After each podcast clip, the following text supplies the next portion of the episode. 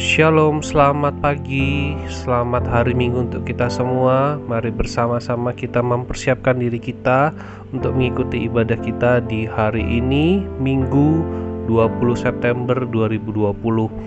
Saya akan membacakan pertanyaan dan jawaban dari Katekismus Reformasi Minggu ke-8.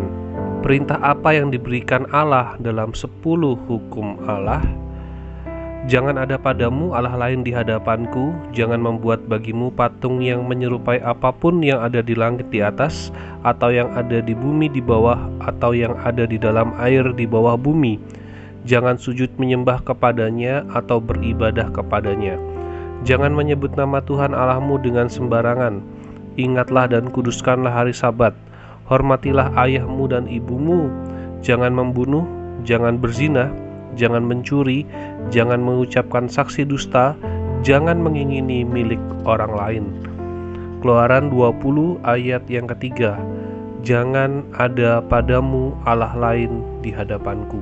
Karena Allah sudah menciptakan dan mengasihi kita dan mengetahui apa yang terbaik untuk kita, Dia memberikan pada kita panduan moral dan spiritual untuk menjalani hidup dengan baik.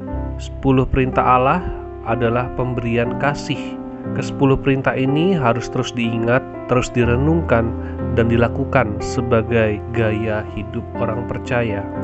Empat perintah pertama berkaitan dengan relasi kita dengan Allah dan diringkas Yesus menjadi kasihilah Tuhan Allahmu dengan segenap hatimu dan dengan segenap jiwamu dan dengan segenap akal budimu. Enam perintah berikutnya berkaitan dengan relasi kita dengan orang lain dan diringkas Yesus menjadi kasihilah sesamamu manusia seperti dirimu sendiri.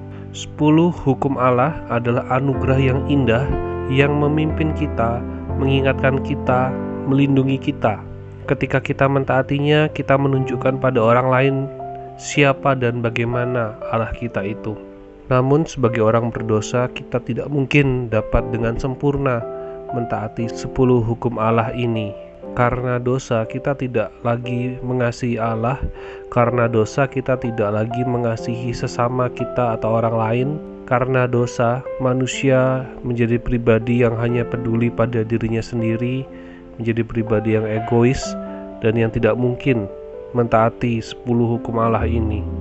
Tetapi kita bersyukur bahwa keselamatan kita tidak terletak pada perbuatan dan ketaatan kita, keselamatan kita adalah anugerah dari Allah di dalam Kristus Yesus sehingga 10 hukum ini bukan lagi menjadi beban bagi kita tetapi menjadi sarana bagi kita untuk bisa mengenal Allah dan mengasihi sesama.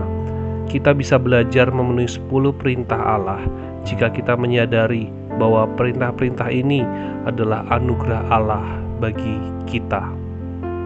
Selamat hari Minggu, selamat beribadah Tuhan Yesus memberkati.